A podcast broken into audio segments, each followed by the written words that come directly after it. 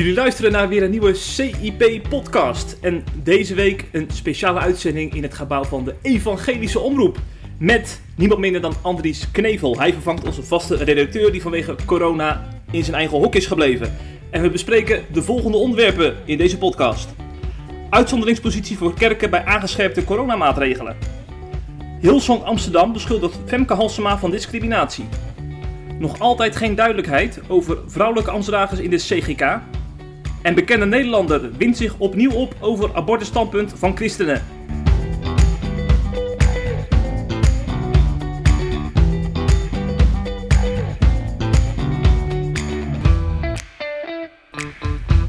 Andries, de kop is eraf. Dit zijn nog eens items om te bespreken.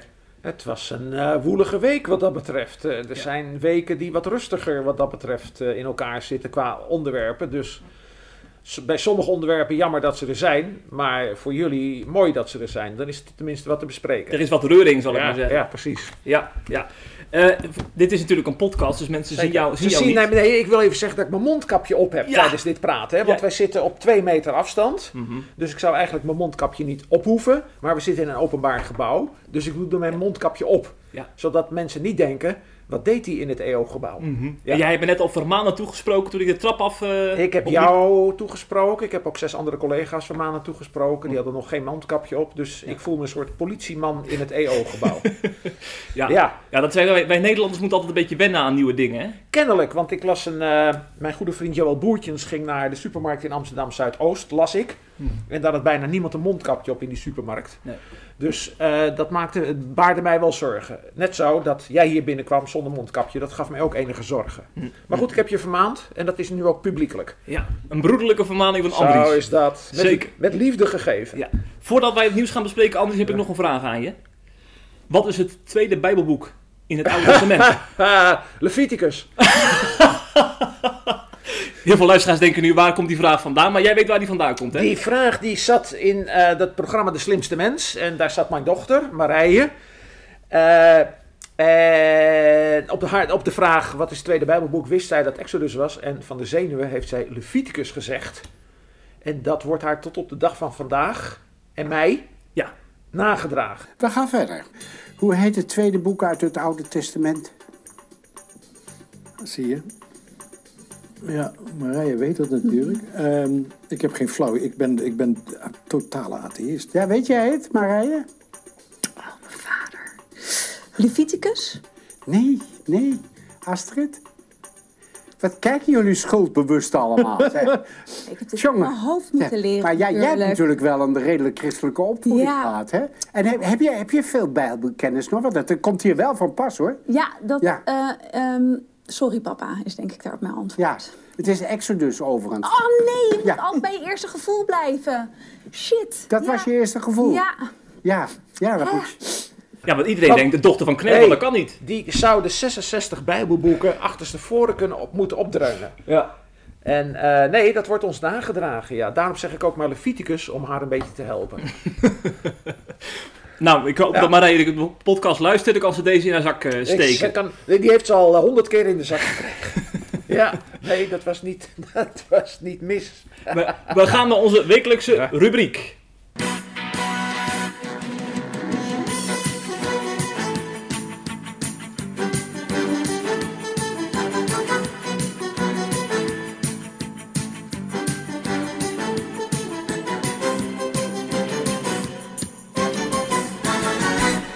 En dat is natuurlijk de ergernis van de week. Normaal gesproken, Patrick Simons, mijn uh, vaste redacteur, die, uh, die mag zich kapot ergeren in onze podcast. Maar hij is er nu niet, dus Andries, het is nu jouw beurt.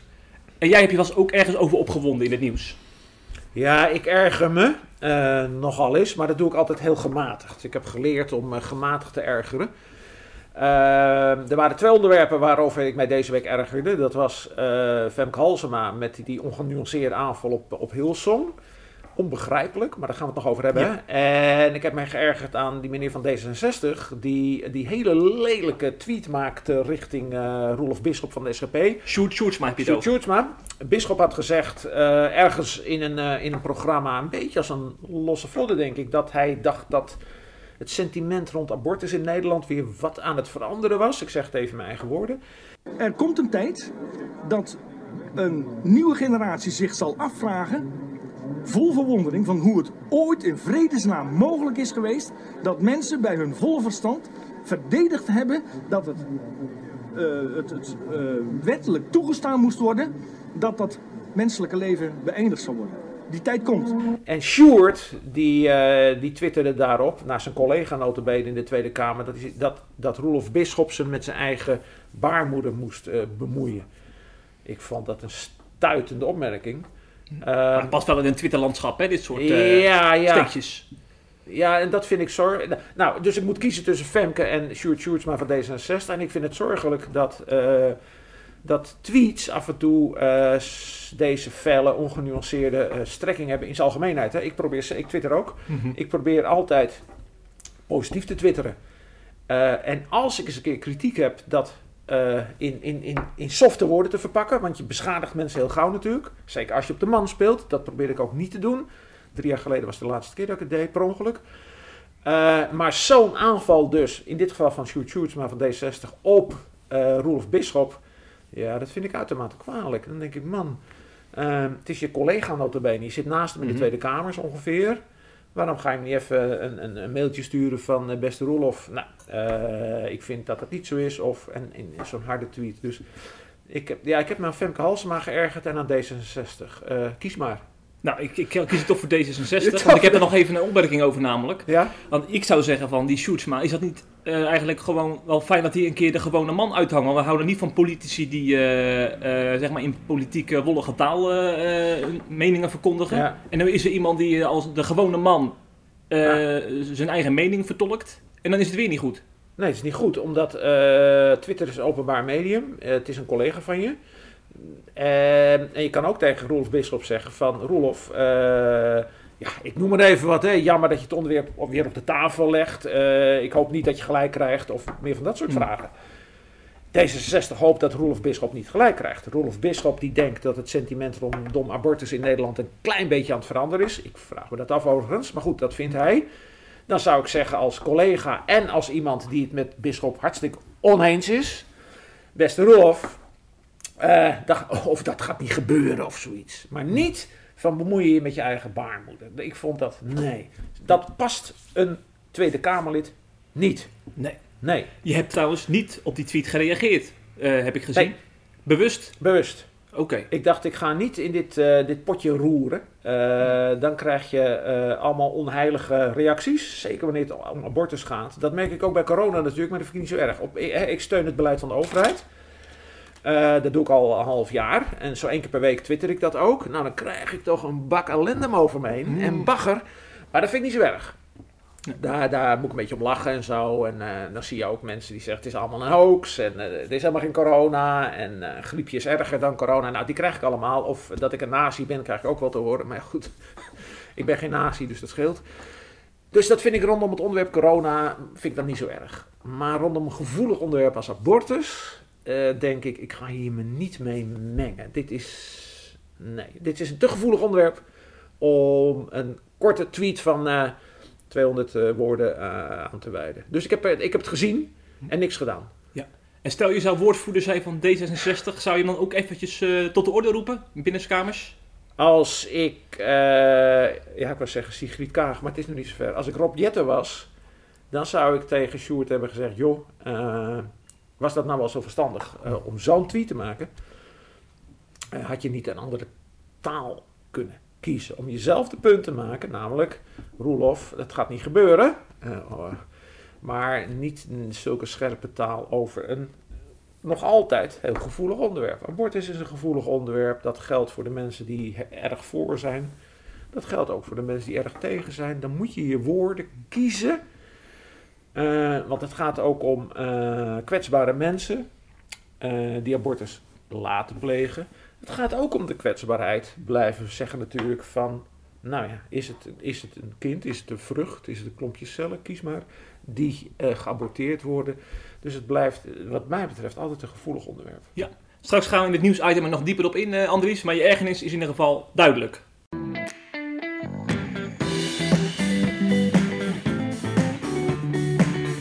Benieuwd hoe EO-presentator Andries Knevel kerk zijn in coronatijd beleeft? Je hoort het in de CIP-podcast.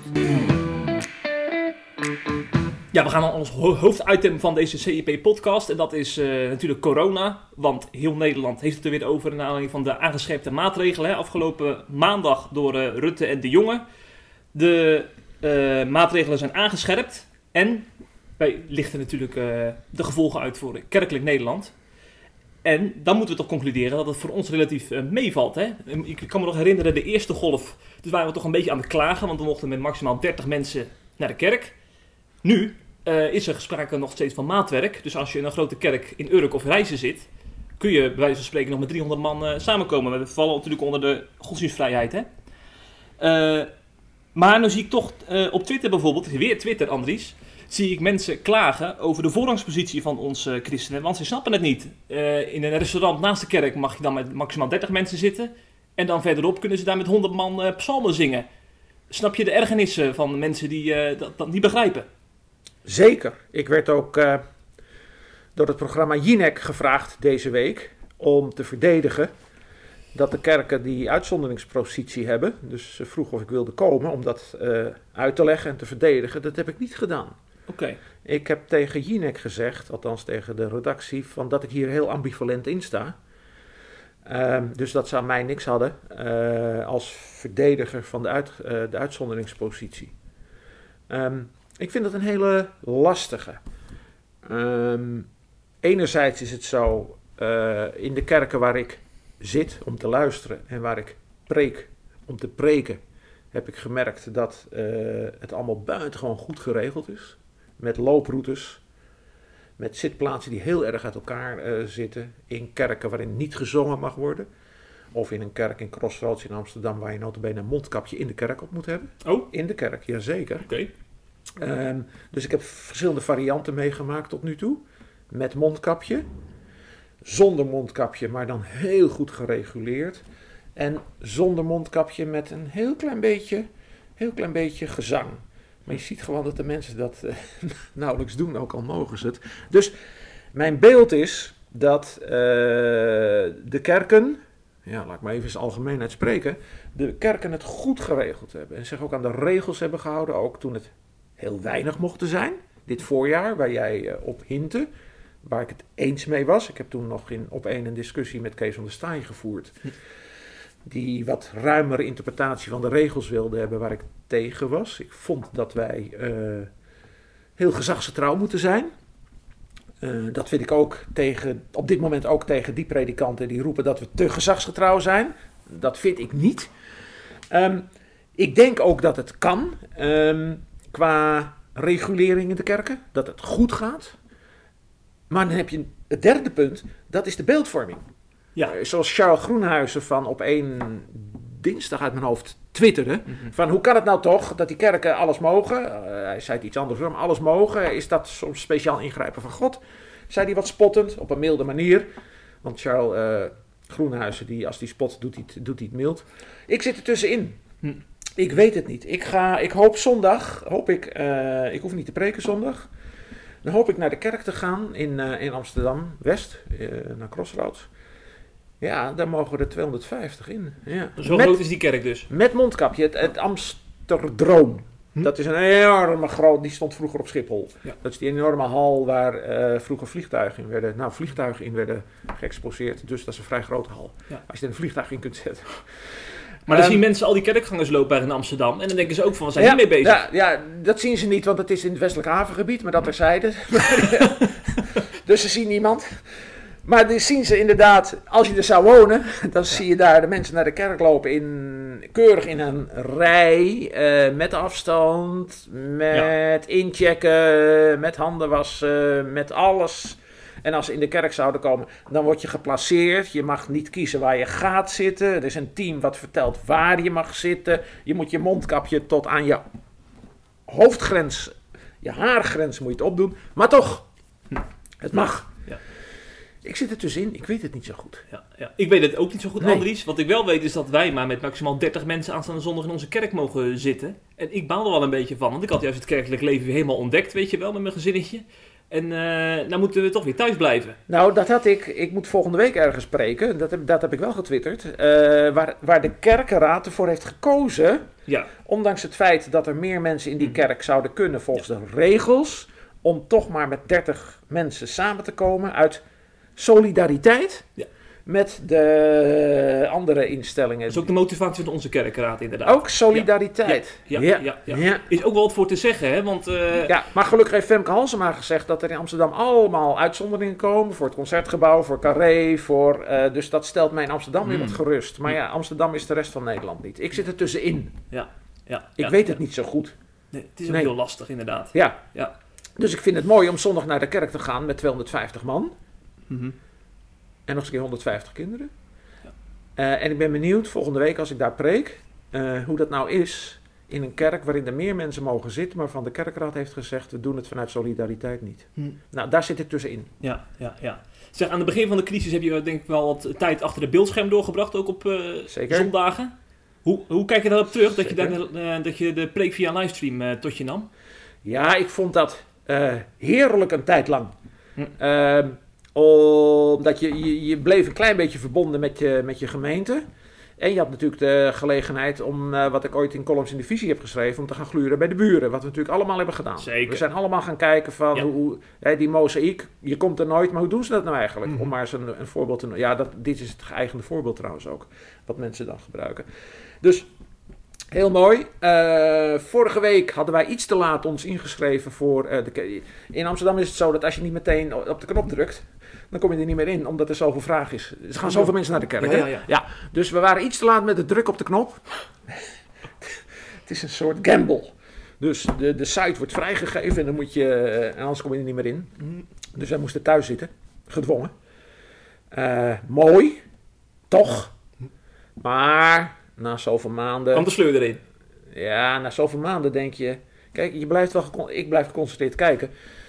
Maar je denkt wel, ja, in, in, in een dienst is het toch anders. Maar dat zal iedereen ervaren. En je kan natuurlijk niet meezingen. Maar ja, in, in crossouts mogen we niet zingen, want we hebben mondkapjes op. Dus dat, dat zingen, dat is, dat, het is pas volgend jaar, hoop ik. Hm, Dus zo ongeveer. Ja, ik ben wat dat betreft een modale Nederlander. Alleen ik heb natuurlijk het voorrecht dat ik uit preken ga. Ja. Dat is toch wel een mooi voorrecht, ja. ja. Dan. Ja. ja. Maar als je dan uh, uh, tegen een beeldscherm loopt te preken, dat lijkt me toch ook wel Nee, maar ik ben 40 jaar lang gewend om in een camera te koekeloeren. Terwijl die camera... Hè? Die, die camera zegt niks terug. Ja. Dus ik, ben reden, ik heb dit voorjaar gepreekt veel online, na de eerste golf. Uh, zeg ik dat goed? Na de eerste golf? Ja, vanaf mei heb, ben ik weer gaan preken. Daarvoor hadden de, werden de diensten afgezegd. En vanaf ja, half april, begin mei, waren er allemaal creatieve jongetjes in die gemeentes. Die hadden, die hadden online diensten opgezet. Eerst heel krakkemikkig met één camera. Maar mijn laatste dienst was met vier camera's. Dus ik heb online gepreekt. Ja, dan sta ik 20 minuten, een half uur in zo'n camera te koekeloeren. Maar ja, dat ben ik wel gewend. Hmm. Dus hmm. ja, dat, dat lukt. Technisch gezien lukt me dat wel. Ja. Ja. Of die preek goed is, is wat anders. Maar Hmm. technisch gezien lukt dat. Ja. ja. Wie ook regelmatig preekt, is dominee Uitslag uit Urk. Daar Zeker. was ik uh, vorige week toevallig voor CIP. En hij is een van de Ja. hè, in, uh, binnen, Ja. binnen zijn uh, kring, zal ik maar zeggen. Hij zegt dat in, de, met name in, de, in het begin van de crisis is de bewegingsvrijheid van kerken behoorlijk ingeperkt. Ja. We hadden het net al over, hè, toen we met maximaal 30 man mochten samenkomen. En dat gold ook voor zijn grote kerk, waar gewoon honderden mensen afstand kunnen houden van elkaar. Vond hij een beetje overdreven. En hij vindt ook dat we eigenlijk wel heel erg makkelijk als christenen zijn meegegaan in het accepteren van die regels. Hij zegt, er zijn toch te weinig uh, er tegen ingegaan. Terwijl er zijn heel veel lobby's, Andries, die gingen bij opeen zitten in allerlei talkshows. Om voor hun uh, doelgroep op te komen van uh, wij willen wat meer ruimte. De kerken waren stil. Heeft die dominee Uitslag daar een punt? Nee, dominee Uitslag heeft geen punt. Uh, ik ben het met dominee Uitslag oneens. hij zat ook in mijn, voor, in mijn hoofd toen, mei, toen ik in mei in opeen zat om met Kees van der Staaij erover te discussiëren. Ik vind dat de kerken zich buitengewoon braaf moeten gedragen. We hebben natuurlijk een uitzonderingspositie door de vrijheid van godsdienst. -hmm. Uh, in de maanden vanaf maart hebben we daar nauwelijks over gesproken, omdat we keurig in het gelid gingen staan. En niet als eerste wil van, van vrijheden wilden gaan gebruiken vanaf juni en juli. Hè? Eerst 30, toen 100, in, per 1 juli 100. Um, en het feit dat kerken zich braaf aansluiten bij het huidige beleid, of toen vigerende beleid, dat vind ik alleen maar goed. Um, we zitten in een geseculariseerde cultuur. Um, ondanks het feit dat er iedere zondag, althans tot voor kort, meer dan 1 miljoen mensen naar de kerk gaan, is er toch een cultuur waarin als de kerken wat naar buiten treden of een bevoorrechte positie krijgen of hebben, dat er met ja, argusogen of met kritiek of erger naar die kerken wordt gekeken. Dan denk ik, uh, in deze cultuur, waarin de kerk het wat in de beeldvorming lastig heeft, ja, waarom niet gewoon uh, keurig gehoorzamen uh, wat de overheid zegt? Want het is namelijk helemaal geen overheid die anti-geloof is en anti-kerk is. Notabene de, van de drie vicepremiers. Zijn er van de vier, nee, van de premier en drie vicepremiers, ja. de vier, zijn er drie zijn christen. Noemen zich christen. Uh, Carola Schouten. Carola Schouten, Hugo de Jonge en Mark Rutte. Noemen zich alle drie christenen. Je hebt alleen Wouter Koolmees die dat niet is, mm -hmm. van de vier. Um, wij zitten helemaal niet qua overheid in een soort antichristelijke cultuur. Dat krijgen we een beetje mee vanuit Amerika natuurlijk. Dus ik ben het met dominee Uitslag oneens. Ik ben het bijvoorbeeld ontzettend oneens ook met uh, dominee John MacArthur in, uh, in Amerika. Oh ja, die ja, is ook een verhaal. daar uh, tegen de, de wet in, zijn dienst, tegen de wet in. Dominee Uitslag zegt niet, ik moet tegen de wet ingaan. Dat zegt hij niet. Hij zegt, we zouden wat minder volgzaam moeten zijn. en niet al te braaf. Het zijn mijn woorden hoor, niet al te braaf. En John MacArthur die gaat echt tegen de gereguleerde wetgeving in. Kan dus ook bij het OM uh, geroepen worden daar. Dat kunnen wij niet. Waarom zou je het doen? Waarom zou je het doen? Ik denk dat de mensen op Urk het ook wel begrijpen. En dat de mensen op Urk, ik begrijp, op Urk zing je. Liefst massaal, liefst het dak eraf. Ja, zo hard mogelijk. Zo hard mogelijk. Um, niet ritmisch, niet al, te niet al te snel. Ik vind dat heerlijk. Het is een stijl die bij mij past. Maar kom op, uh, na een tijdje, hoop ik. Maar ik denk dat er ook een bepaalde frustratie onder zit. Omdat uh, ja. ook uh, in, in de discussies hierover wordt de eredienst vaak in één aandacht genoemd met een IKEA of met een HEMA. Ja. Terwijl zo'n dominee Uitslag ook zoiets heeft van een eredienst dat is wel echt van een andere orde. Zeker. En maar dat vindt de overheid niet. De overheid vindt een IKEA hetzelfde als een kerkdienst. Ja. Uh, dat is niet zo. Alleen de taak van de overheid is niet om te vertellen dat een eredienst belangrijker is dan een IKEA. Dat moeten wij doen. Hmm. Um, en we hebben nog zoveel rechten door die vrijheid van godsdienst. Um, die overheid mag niet eens met die vingers naar die kerken komen. De vraag is of die 30 en die 100 van dit voorjaar, of die juridisch wel gerechtvaardigd waren. Daar had Kees van der Staaij vragen over. Precies. Uh, uh, nou is Grappenhaus iemand die, die dat best goed wil. En die ook sympathiek is naar de kerken en dat ook best goed wil uitzoeken. Dus ik denk zelfs dat in dit voorjaar de overheid uh, dingen over de kerk heeft gezegd die ze niet helemaal konden waarmaken. Maar dat de kerk vervolgens zich daarin gevoegd heeft. Ja. Zonder een of ander proces aan te spannen. Ja, dat vind ik alleen maar positief. Mm, mm, mm. Ja, dat vind ik ja. positief. Ja. Laten we maar uh, in de goede zin uh, braaf zijn. Ja.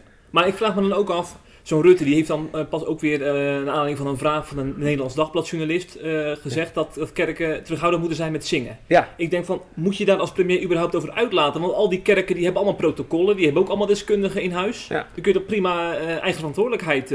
Ja, maar hij zegt ook niet dat het niet mag, hij zegt wees terughoudend. Ja, nou, advies ook. Advies. Ja. Nou, ik, vind, ik zit hier ook met een, eventjes, voor, voor de mensen van die nu inschakelen in je podcast. Wij zitten twee meter uit elkaar minimaal en ik heb een mondkapje voor. Ja. Dat hoeft niet. Ik doe het wel. Omdat Rutte heeft gezegd, doe dat nou maar. Um, zo is het ook het advies van Rutte. Joh, uh, probeer het dan zo goed mogelijk te doen. En uh, wat mij betreft niet zo erg zingen. Maar hij zegt er niet bij dat je in een groot kerkgebouw met goede ventilatie wel prima kan zingen. Nee, maar dan krijg je al die uitzonderingen. Op Urk wel. En de de gemeente in Nederland in Barneveld. Want daar kunnen er 3000 in. Die mogen ook zingen. En de Christenmeerkerk van Zwolle. Uh, daar komen ook heel veel mensen naar de kerk. Uh, mag het daar wel? Niet. Uh, Crossroads in Amsterdam, heel groot gebouw nu, Aviodroom. Uh, daar mag je niet zingen, dan moet je zelfs een mondkapje op. Ik hoop niet dat, dat Rutte gaat vertellen in welke kerk je wel en niet mag zingen. Nee. nee, nee. En, nee. Dus ik, ja, ik steun het beleid van de overheid hier in dominee Uitslag. Hm. Ja. Hm, hm. Dus ik zeg dominee Uitslag, ik ben het niet met u eens, maar ik, ik vind u buitengewoon sympathiek en ik volg u allemaal. En eh, ik lees veel over u op CIP, want u heeft een speciale band met CIP, heb ik wel gezien. Nou, we gaan regelmatig naar Urk om hem even op te zoeken hoor. Zeker, dat ja. merk ik ook. Ja. Maar ik ben niet... Nou weet je wat, is veel dominees die, die, die, die uh, ja. hebben dezelfde mening als Uitslag, maar die spreken er niet uit. En hij is een van de weinigen die het gewoon uitspreekt, ook op Twitter zet. Ja. Dat is te waarderen, vind, vind ik, ik dapper. Hij doet dat. Uh, Arnold Huigen, de professional Apeldoorn, ja. zit op dezelfde lijn natuurlijk. Die, uh, die doet het ook. Nee, dat vind ik alleen maar leuk. Ja. Boeiend, boeiend moet ik zeggen.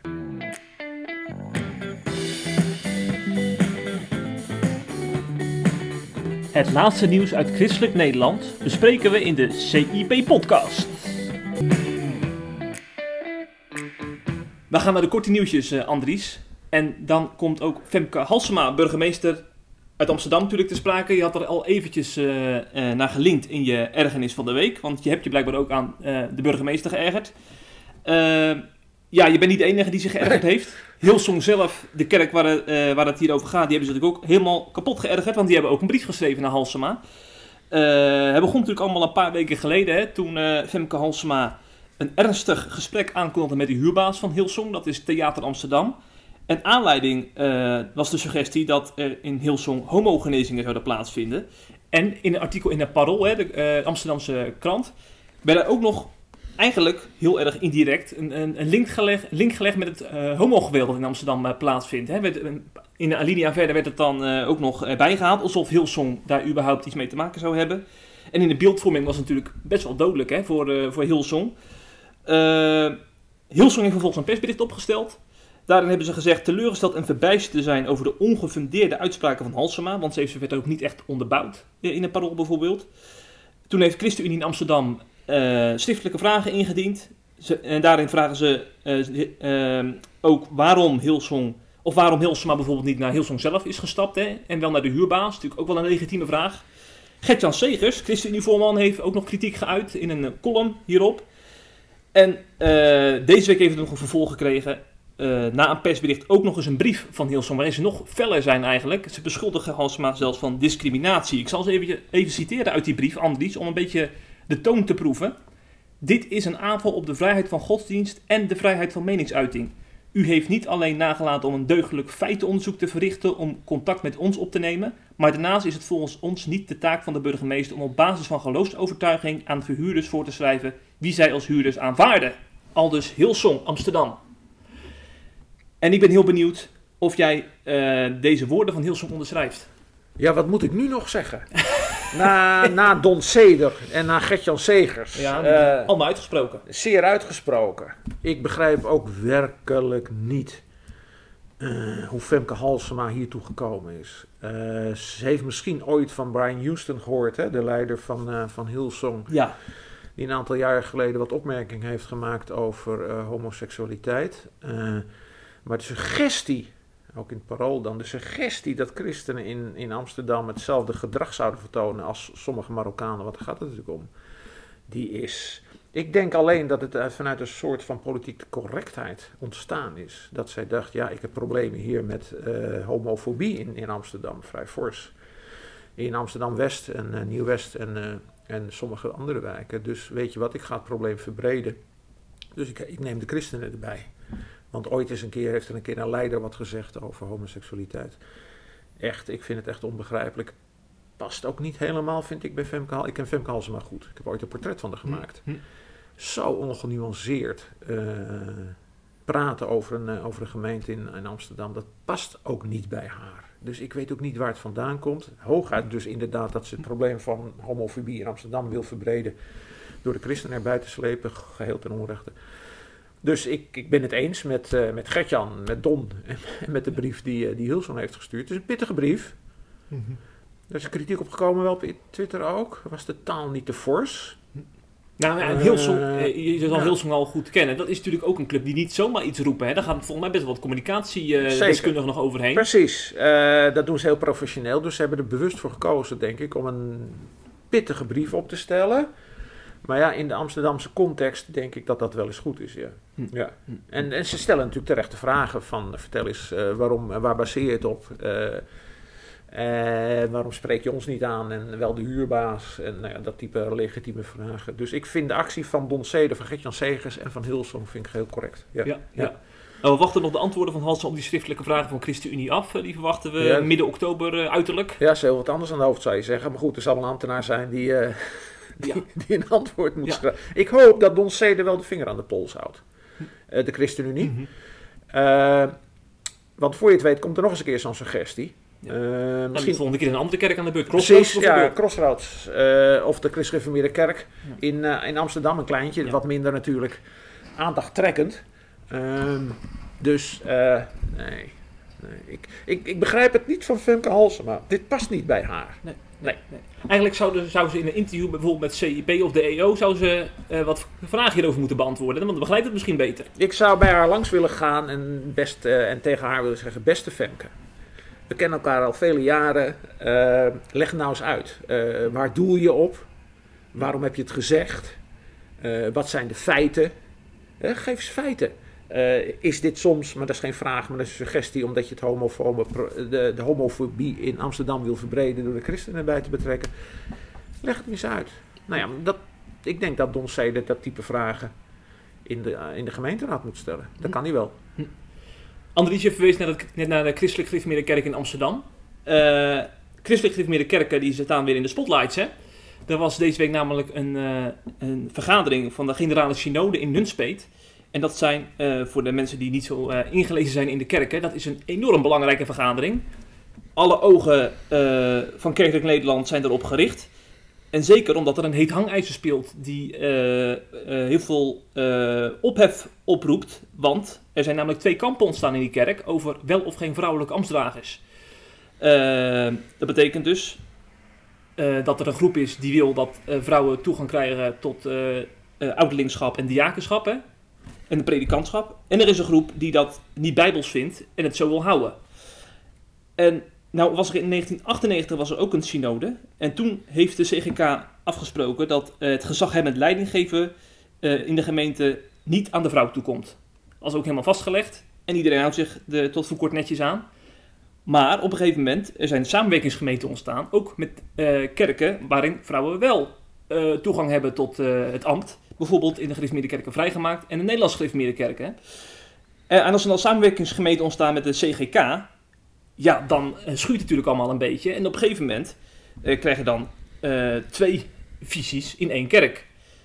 En ook nog eens krijg je te maken met vrouwen die wel ouderling willen zijn, maar het niet mogen vanwege de synode in 1998 hè, van de CGK, dat toen besloten is om dat niet te doen. Nou, nu wordt dat Vrouwenbesluit elke keer uitgesteld, hè, want er zijn heel veel vragen over. Komt er eindelijk eens een keer meer ruimte in onze kerken hiervoor? En nu is het geduld op van kerken in Hilversum, in Arnhem, in IJmuiden, in Nieuwegein, waar vrouwelijke ambtenaren zijn benoemd. En er zijn conservatieve predikanten weer boos over, want dat gaat tegen de kerkregels in, zeggen ze dan vervolgens. En nou zou dit jaar zou er eindelijk duidelijkheid moeten komen hè, op de synode. Dus er was, in februari was er een synodevergadering, maar uh, die commissieleden kwamen er niet uit. Ze hadden drie oplossingsrichtingen. Maar er was verschil van mening over. Dus ze zeiden, nou dan doen we in oktober doen we, uh, uitspraak hierover. Wel, welke oplossing we gaan kiezen.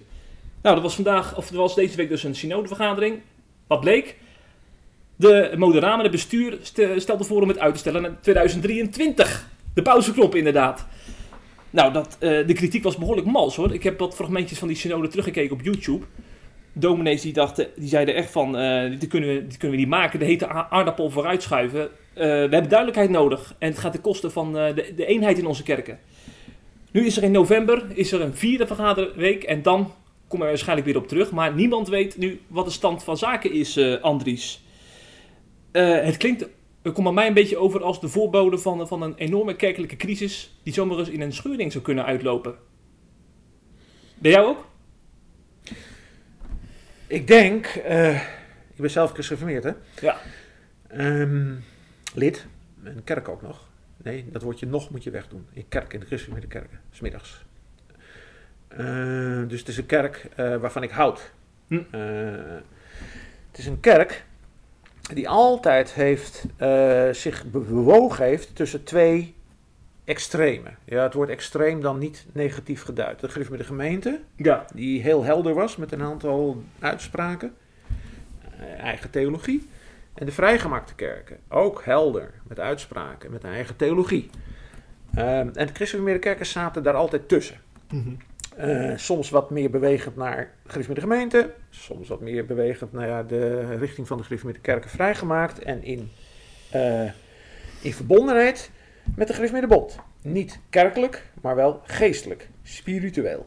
Dat is het palet van de christelijke kerken. En dominee J.H. Velema en hele anderen, die hebben altijd ervoor gezorgd dat, en professor Velema, dat de christelijke kerken ergens in dat midden, mm wat ook een vaag midden kan zijn natuurlijk, maar in dat midden zich konden manifesteren. Ja. Geen verkiezingstheologie, gereformeerde gemeente. Geen verbondstheologie, uh, vrijgemaakte kerken. Geen PKN, of daarvoor hervormd, uh, want kerkelijk uh, niet helemaal juist, maar wel verbonden met uh, de gereformeerde bond, spiritueel en geestelijk. Nou, daar in dat krachtenveld zit de Christen Kerk. daar hebben we het 1834, hoe lang is het geleden? 1834 hebben we het... Doe je op de afscheiding? Afscheiding, daar hebben we het een jaar of 180 mee uitgehouden. Mm -hmm. en ik denk dat nu voor het eerst in die 180 jaar, en we hebben natuurlijk meer debatten gehad en crises, dat voor het eerst in 180 jaar er nu een situatie is waarbij uh, we gewoon niet weten hoe we eruit moeten komen. Nee. Er zijn, kijk, die, die vier kerken, uh, die hebben een beslissing genomen tegen uh, de synode in. Dat terwijl ze wisten dat er een synodevergadering aan ja, zat te komen. Ja. Hè? En in een van die kerken preek ik ook nog, dus mm. ik voel me ook nog een beetje verbonden. Ja, dus die vier hebben iets gedaan wat niet mocht. Uh, dus het is terecht dat andere, andere kerken dan vragen: jongens, hey, uh, we hadden toch een afspraak gemaakt. Mm -hmm. en hoe komt het nou dat jullie daar niet aan houden? Dat komt natuurlijk ook door die beweging in de gereformeerde vrijgemaakt, waar sinds kort uh, de vrouwentampt is geaccepteerd. En als vrijgemaakt die accepteren of niet, dan gaat het altijd heel snel. Dus je ziet die beweging zie je, zie zie je ontstaan. Die druk vanuit. Want de Nederlandse gereformeerde kerken hadden al langer de vrouwentambt. Ja. Alleen die, die, die, dat mechanisme van een zekere druk die kwam niet vanuit de Nederlands kerken, maar die kwam natuurlijk van, een beetje vanuit de vrijgemaakte kerken. Hmm. Um, ja, mijn oplossing, maar ik ben een profeet die brood eet, hè? Ik weet het ook niet. Dus ik zou zeggen, uh, we zijn christenvermeerd, dus we zoeken, we zoeken altijd uh, naar een oplossing waarbij we bij elkaar blijven. Uh, dat hebben we 180 jaar gedaan. Um, dus de, de, en dat is een van de drie oplossingsrichtingen overigens die op de synode speelt. Hoor. Dat is deze, dat je zegt, nou ja, we laten het aan het beleid van de uh, plaatselijke kerkraad laten we het over. Ja. Um, en we vragen hen in wijsheid om geen uh, vrouwen af, af, te gaan vaardigen naar hogere vergaderingen. Dat betekent naar de klasses, particuliere synode en synode. Zodat uh, predikanten en gemeenten die bezwaard zijn, ja. zich niet, niet dat, ongemakkelijk. Dat is ongemakkelijk natuurlijk. Als je uh, op een synode een, een, een, vrouwelijke ouderling een hand moet geven, dat doe je natuurlijk vanuit fatsoen. En tegelijkertijd ben je het er niet mee eens dat zij ambtsdrager is. En dat voelt zij natuurlijk ook. Mm -hmm. Dat geeft alleen maar ongemakkelijke situaties. Waarbij je heel gauw onbedoeld ook mensen kwetst de een of de andere kant op. Dus ja, ik hoop maar dat, uh, dat we die traditie van 180 jaar. Ik zit nog even heel snel te rekenen hoeveel het precies is, maar goed.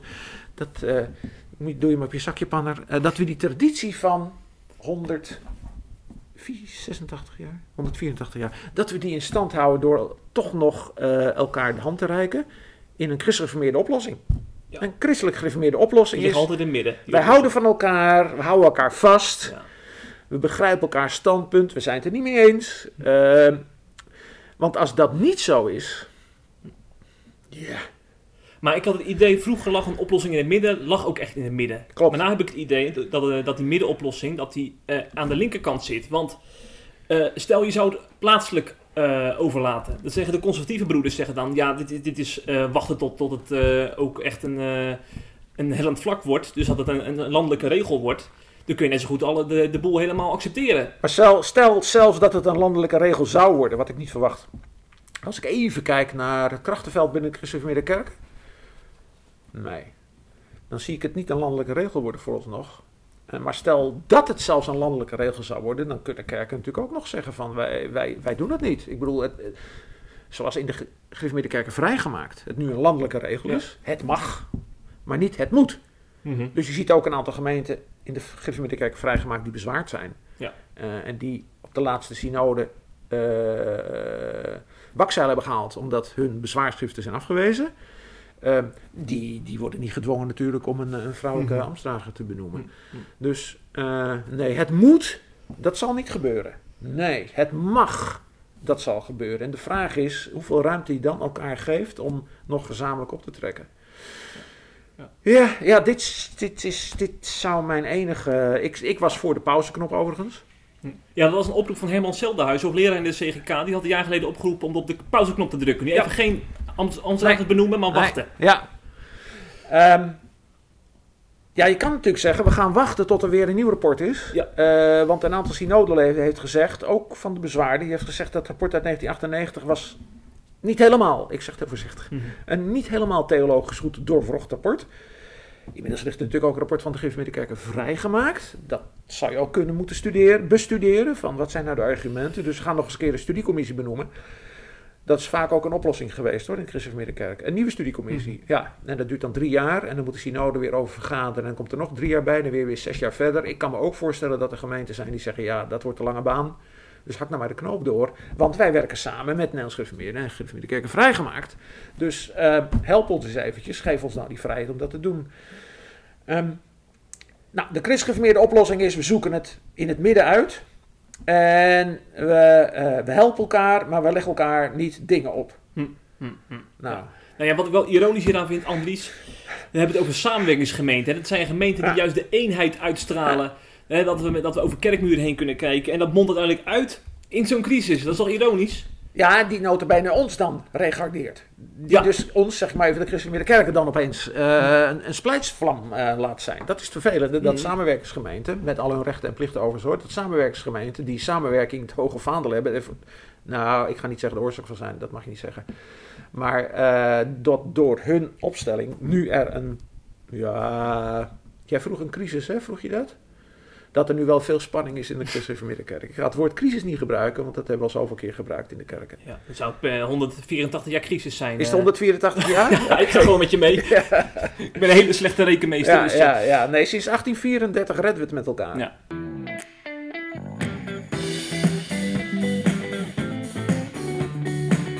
Het laatste nieuws uit christelijk Nederland bespreken we in de CIP-podcast.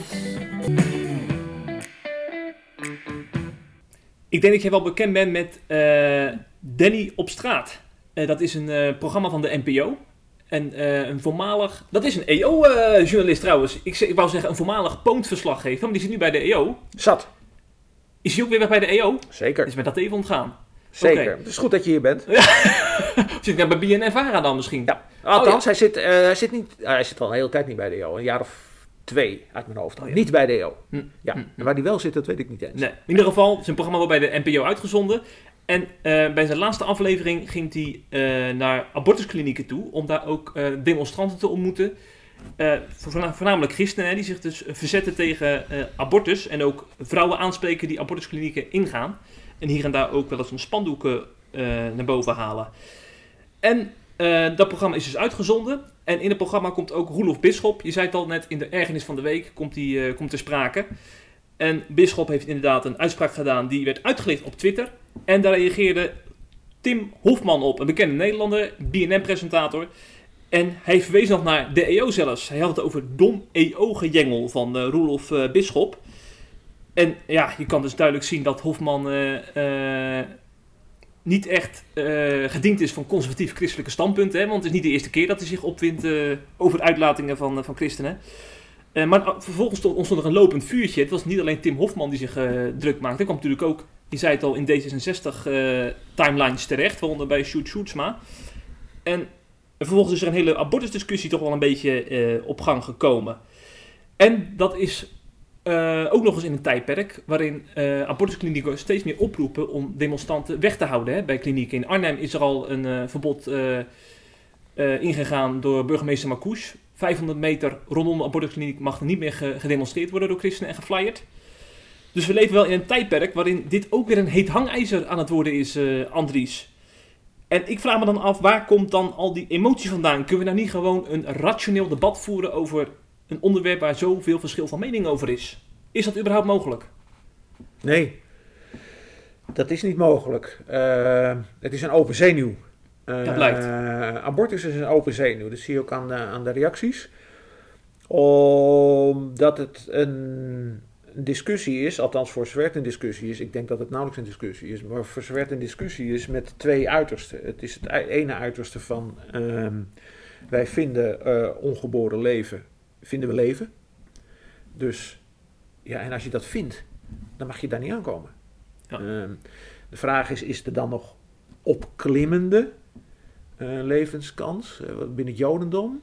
binnen sommige stromingen, binnen het Jodendom, die zeggen nou de eerste twee, drie, vier, vijf, zes weken niet, even uit mijn hoofd, hè, maar daarna, daarna, of wel en daarna niet meer. Of zeg je nou vanaf de bevruchting heb je te maken met leven, de God gegeven leven. En aan de andere kant heb je eh, de liberale stroming en die zegt uh, uh, de vrouw beslist. Mm -hmm. Baas in eigen buik. Baas in eigen buik, vrouw beslist. Dus, ik wil, dus wij willen niet dat mensen met een andere visie op wat leven is zich bemoeien met mijn keuze. Ja, tussen die polen is denk ik geen dialoog mogelijk. Ik heb ooit een debat gevoerd uh, in een zaal, dus dat niet op tv. En er zat een abortusarts bij, ja. vrouw. Um, die pleitte principieel voor het recht van vrouwen op abortus.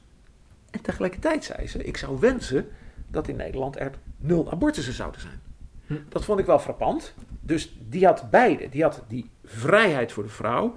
En tegelijkertijd had ze toch iets van, ja, hoe je het ook formuleert, je maakt een einde aan, nou ja, afhankelijk van je visie, een klompje cellen, of leven, of een vrucht, of een ongeboren vrucht, of als je het heel scherp formuleert, een, een kindje, een kindje in wording.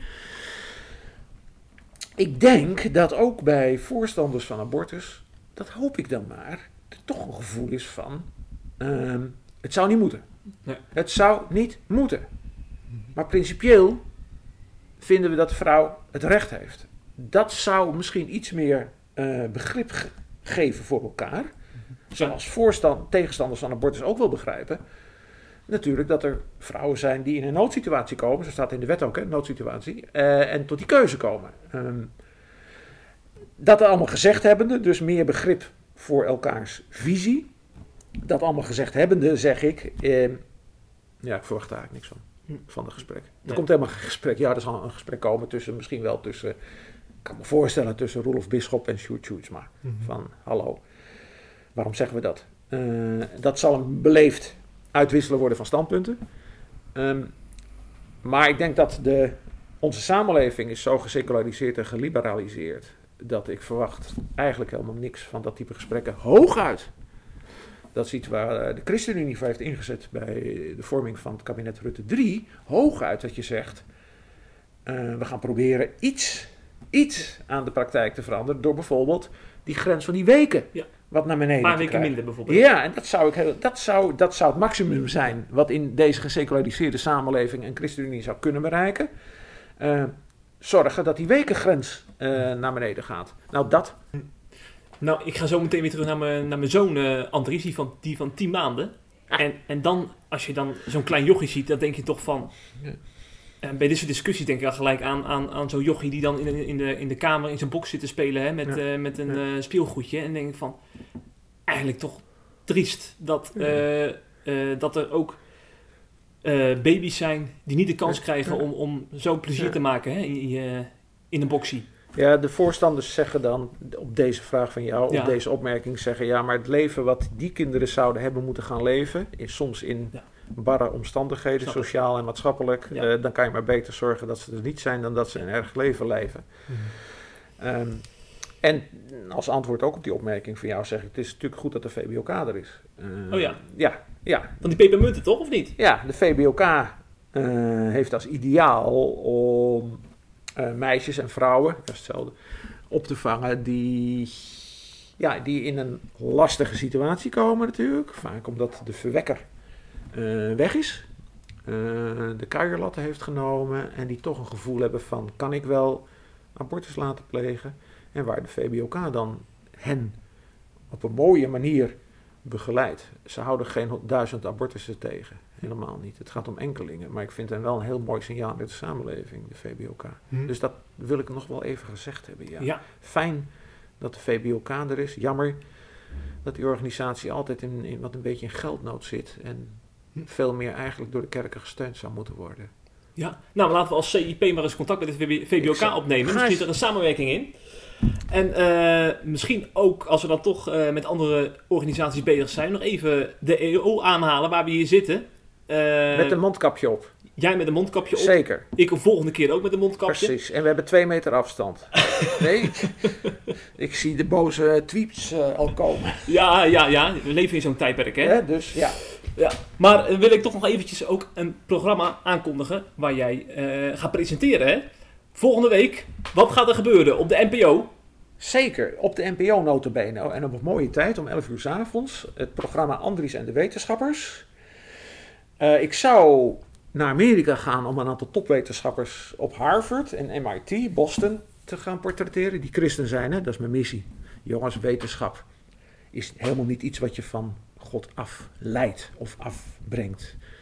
Eh, maar een wetenschap en geloof gaan op een hele mooie organische manier samen. Dat is de missie. Dus we zeggen, lees het boek van Corine Oranje en Kees Dekker, het boek Oer. Ja, maar dat gaat over schepping en evolutie. Eh, mijn ontwerp is breder. Oké. Mijne gaat over geloof en wetenschap. Ja. Eh, Ja. Schepping en evolutie is maar een onderdeeltje daarvan. Eh, nou goed, ik, die, die reis naar Amerika ging natuurlijk niet door. Dus ik moest in Nederland vier wetenschappers zoeken. Toppers. En ja, het zijn zulke mooie, zulke mooie verhalen geworden van vier wetenschappers, oud en jong. Krijn de Jong, eh, die is wat ouder. eh, die werkt in, in Leiden met eh, chemie, nanochemie. Dan komt een hele jonge jongen, Marnix Medema, zoon van Henk Medema, die hoogleraar is geworden in Leiden. Met biodiversiteit bezig is. Dan weer een wat ouder, dus Carlo Beenakker, katholiek, die iedere dag naar de kerk gaat. Hè? Iedere dag om half negen. Jij Oh. doet dat niet en ik doe het Nee. niet. Nee, precies. En die de Spinoza-prijs heeft gewonnen, hè? de hoogste prijs in Nederland voor wetenschap, net als Kees Dekker, Heine Valken. En de vierde is dan weer een jonge jongen, dat is Jeroen de Ridder, eh, hoogleraar filosofie in, eh, in Groningen. Hij staat in de visie. Ehm, en wat ik merk, tot me, dat vind ik wel mooi. Ik heb er nu een aantal geïnterviewd in Engeland en in Amerika. Eh, ik vind dat de Nederlanders, ik generaliseer natuurlijk een beetje, maar dat de Nederlandse wetenschappers die christen zijn, er nog beter over hebben nagedacht dan wat ik in Amerika bij sommigen ben tegengekomen. Oké. Ja, Ja. de antwoorden die, die rollen uit hun mond en de vragen die ik heb, de kritische vragen, die kennen ze allemaal. Nou, die antwoorden die mogen we allemaal gaan bekijken binnenkort. NPO, donderdagavond, NPO 2, eh 8 oktober de eerste. Ja, ja.